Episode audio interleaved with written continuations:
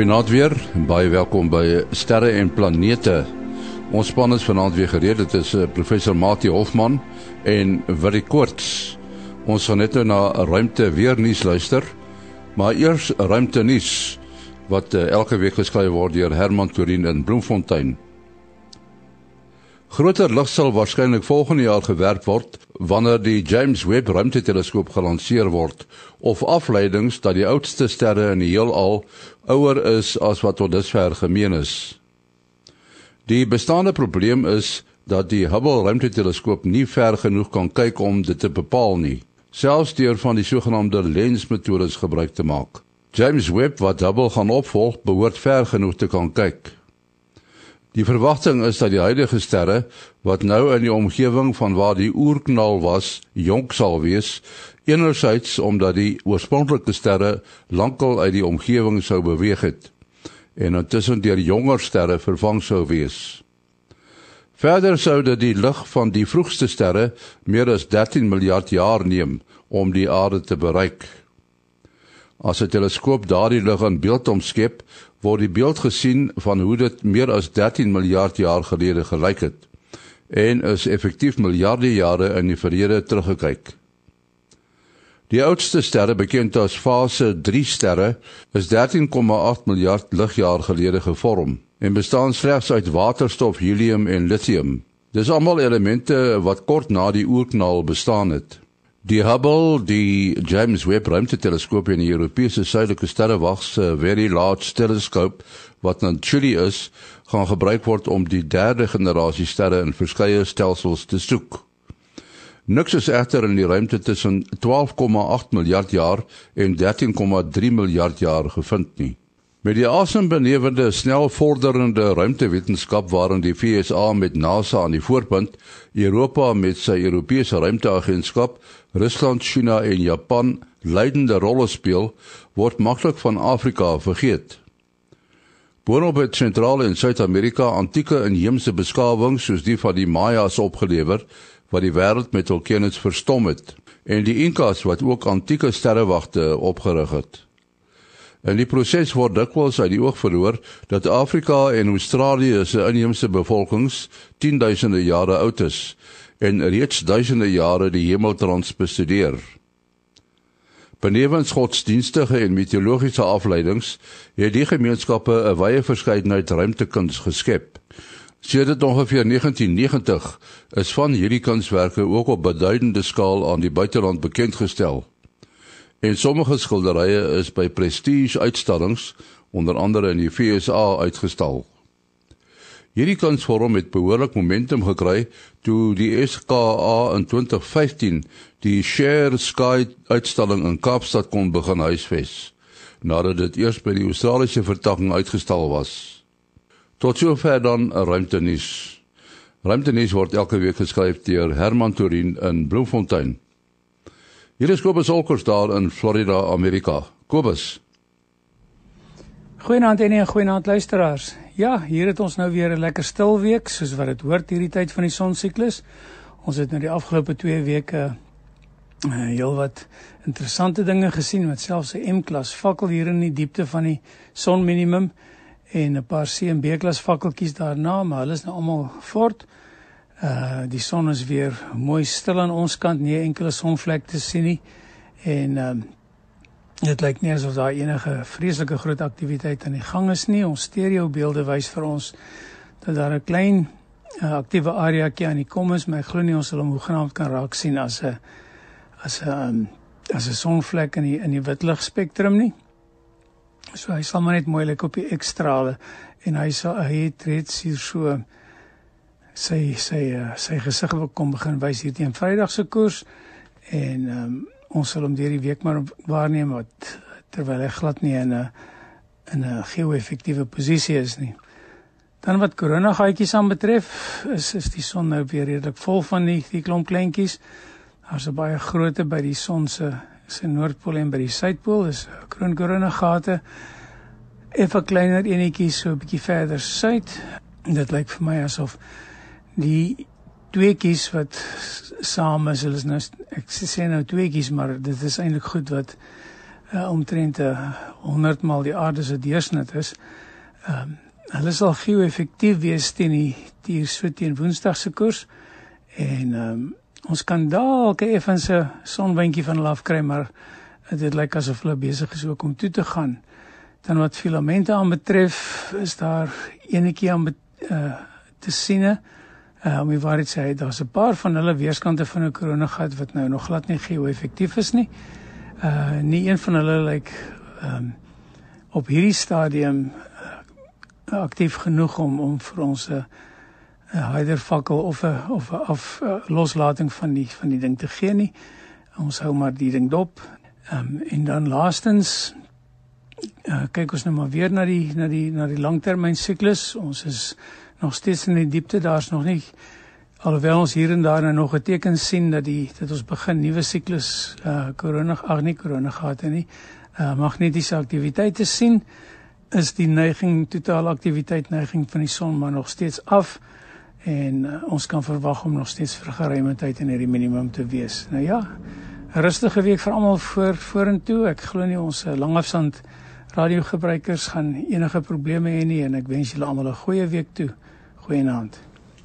Dit was aan uh, Kobus Olkers wat elke week vir ons die ruimte weervoorspelling behartig daar in Florida in Amerika. Ons het uh, soos ek gesê het vanaand vir uh, professor Mati Hofman van die digitale planetarium, die Universiteit van die Vrystaat en die Boden Sterrewag by ons en dan natuurlik ook vir Willie Koorts van die Suid-Afrikaanse Astronomiese Observatorium. Nou uh jy sal agterkom dat ons hier aan die einde van die program sê ons dat uh mense vrae kan stuur na ons toe. Uh na daardie sterre en planete adres wat ek uh, aan die einde van die program weer sal verstrek. Maar nou gebeur dit natuurlik dat uh mense vra vra en uh, en dan wat ons doen ons ons kombineer baie keer vra wat gevra is en ons hanteer dit as 'n uh, as een begrip eintlik. U daar by die huis moet maar 'n bietjie geduld beoefen uh, as ons nie by u vraag uitgekom het nie. Ons sal wel dra uitkom maar uh, ons probeer almal beantwoord maar ek weet nie of dit heeltemal moontlik is nie want ons kry soveel vrae wat beantwoord moet word en uh, die program is maar net 'n halfuur lank maar in elk geval ons begin dan met uh, vrae wat ons uh, ontvang het daar was 'n uh, briefie van uh, Gary Kitchman wat uh, vir ons foto's gestuur het En uh, ek het onmiddellik gedink dit is soos hulle sê lens flare. Wat is die Afrikaans vir lens flare? Wil jy ek weet nie. Maar uh, ek was nie seker nie want dit is al so 'n mooi ronde voorwerp. Uh, ja, ja, dit dis 'n goeie vraag. Wat is die Afrikaans vir lens flare? Ek is ook nie seker nie, maar uh um uh, ja, so Gary het hierso vir ons eintlik klink met sy vrou die foto's geneem en um en sy wil toe nou graag weet wat wat dit is en hy het vir ons 'n naby foto van een van hulle gegee wat hy hom nou taamlik uh, uh, uh ingezoom het. Um dit dit help ons partymal minder want 'n mens sien dan amper die pixels en jy gaan in elk geval nie detail in in hierdie voorwerp sien nie want hy's nie hy's nie reg belig nie en aan. Maar hy het vir ons twee ander gegee wat hy vir ons die die volle prentjie gegee het en en op en op meer as een foto het dit het dit voorgekom sien ek so aan aan die fotos wat hy vir ons ingestuur het. Ja, dit lyk dit lyk vir my onmiddellik net soos lens flare. So wat jy tipies kry met lens flare is jy as jy 'n foto probeer in in 'n baie helder voorwerp inneem. Jy kan dit met 'n straatlig doen in in die aand of ehm um, as jy in die geval is dit die son, die son het ondergegaan. Die son sit op die horison. In die een geval is die is die voorwerp voor die wolke. So dit sê vir jou dit dis nie iets wat wat wat in die diep ruimte was nie en dan in in in die ander geval is dit so half tussen die wolke.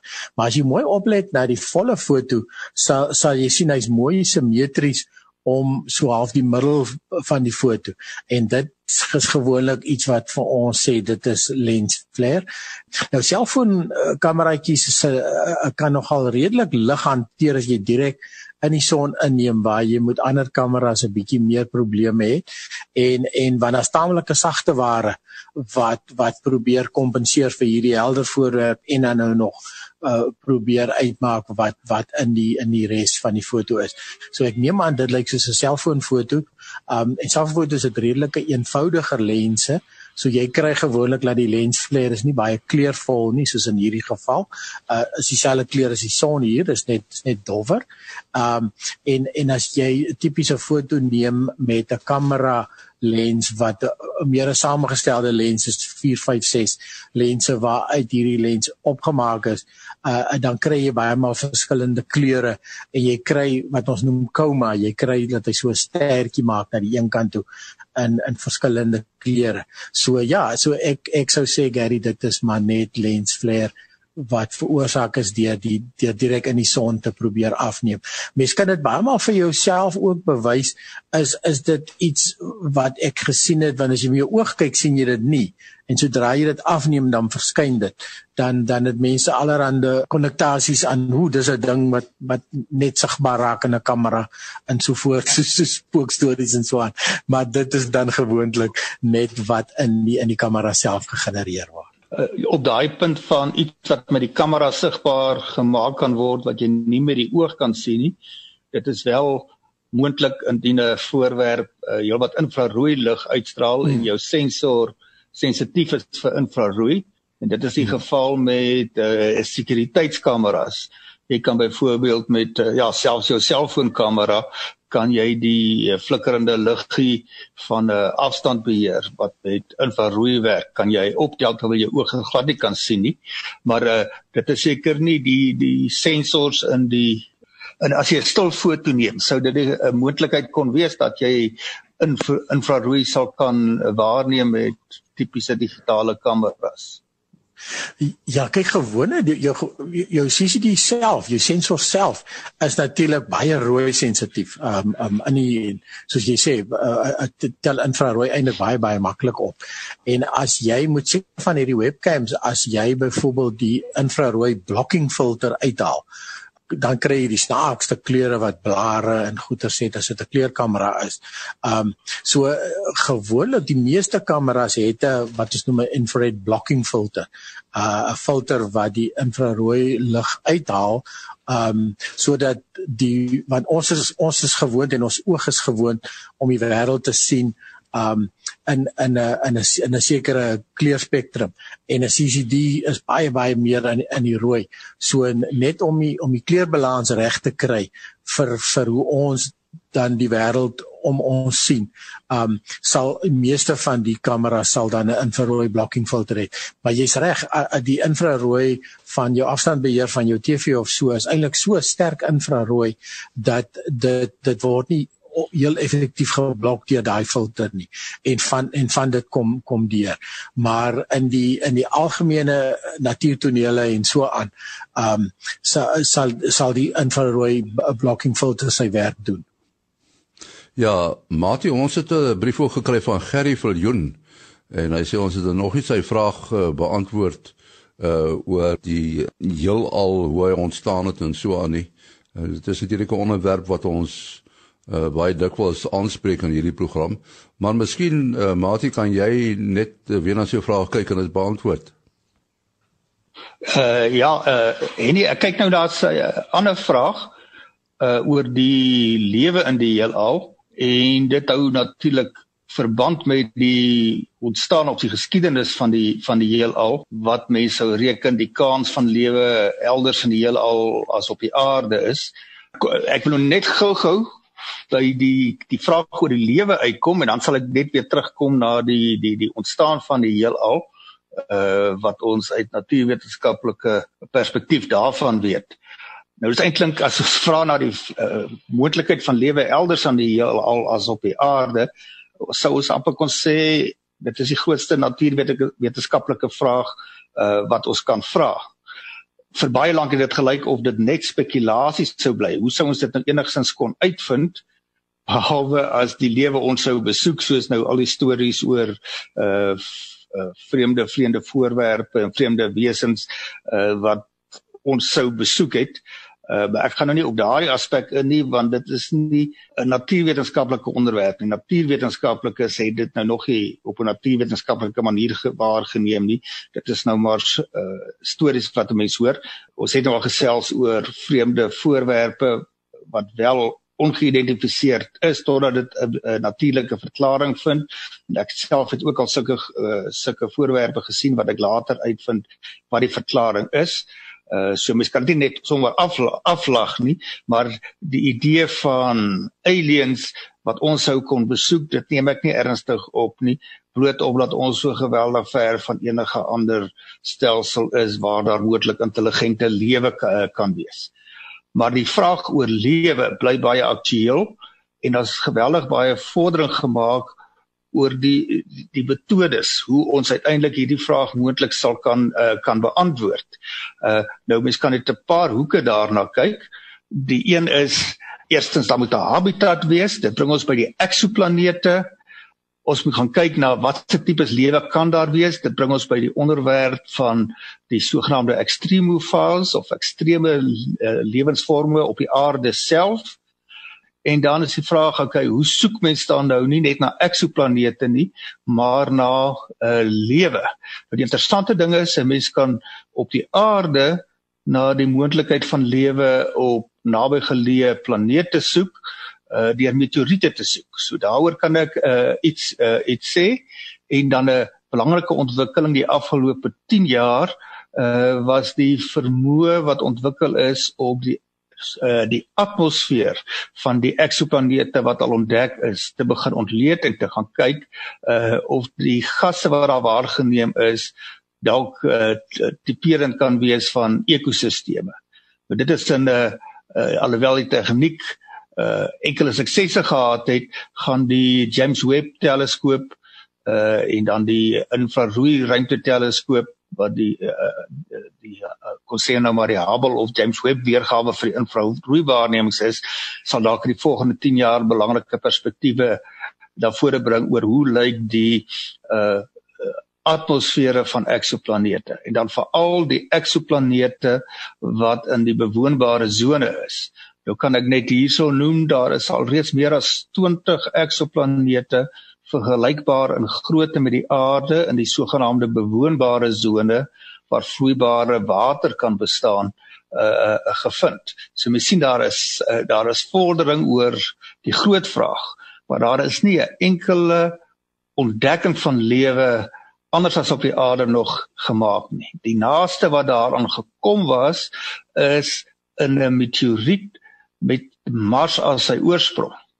En daardie meteoriet is in 1984 in Antarktika gevind uh in die Allen Hills uh gebied en hy dan ook die naam Allen Hills 84001.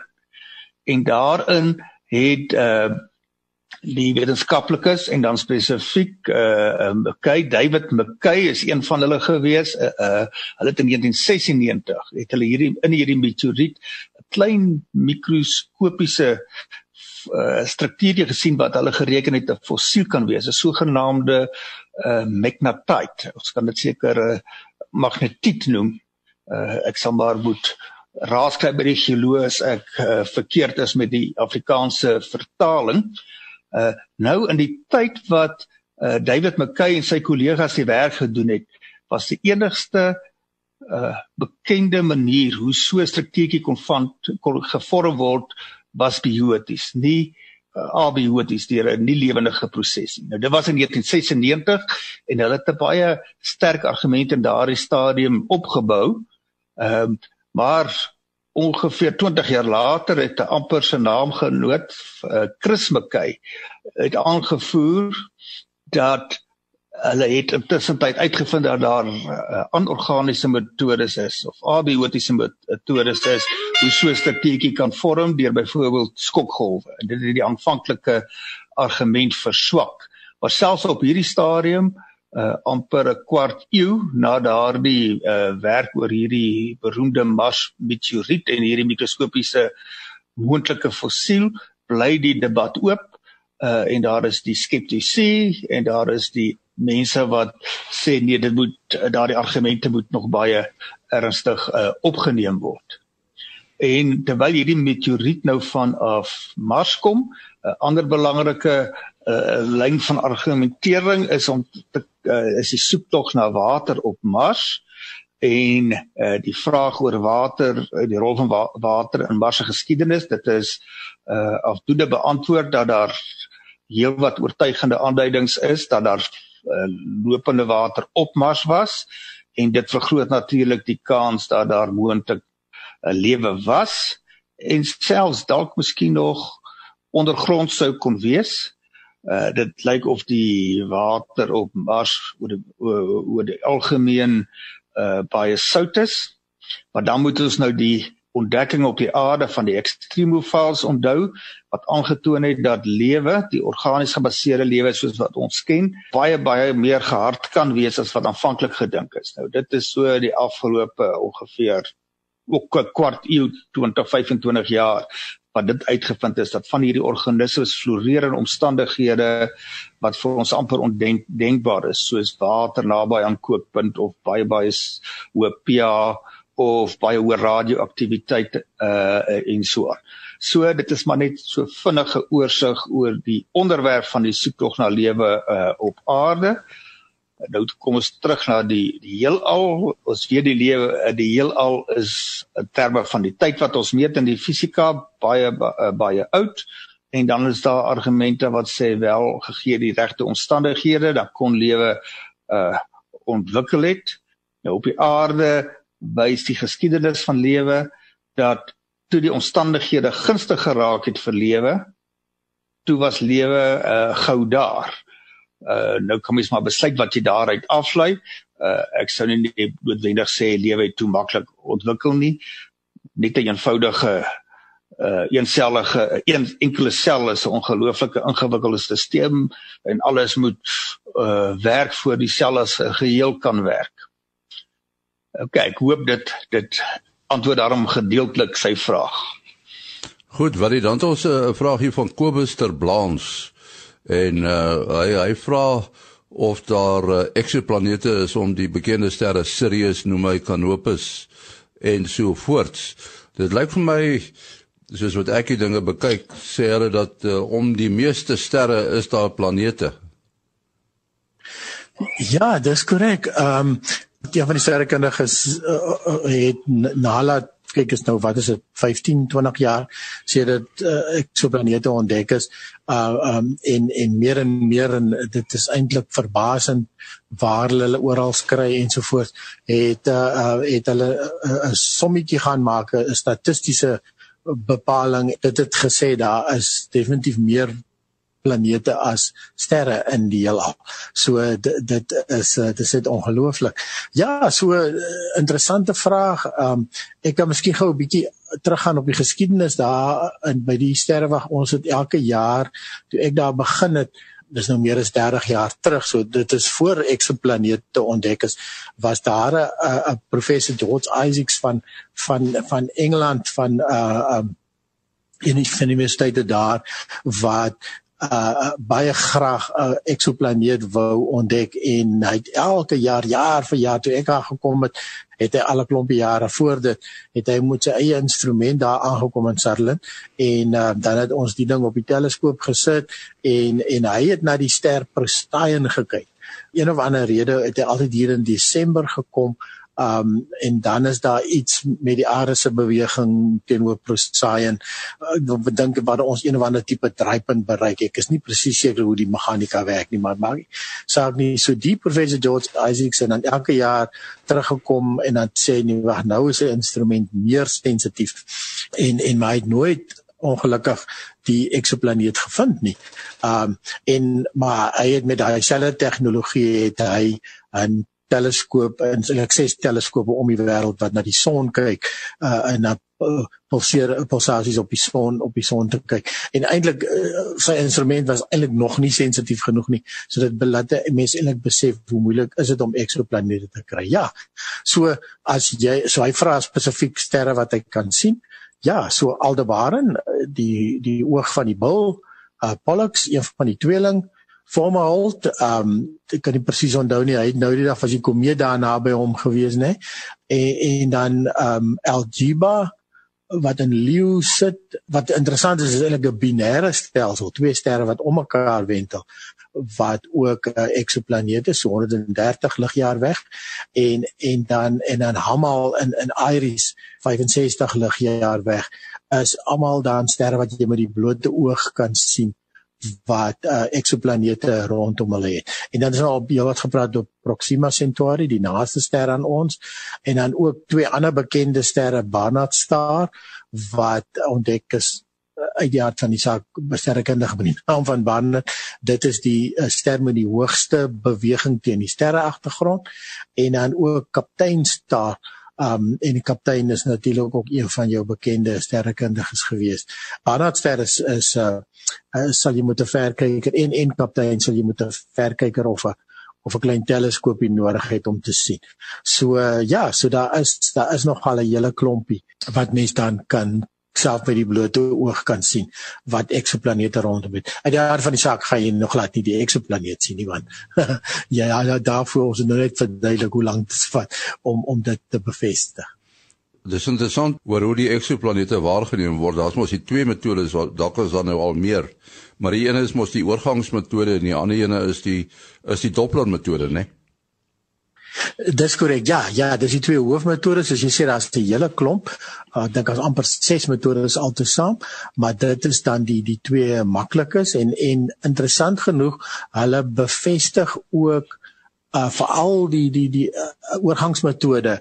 Um so nie alle eksoplanete gaan op die oorgangsmetode waarneembaar wees nie, want dan moet die ster moet die eh, die planeet moet voor die ster verby beweeg.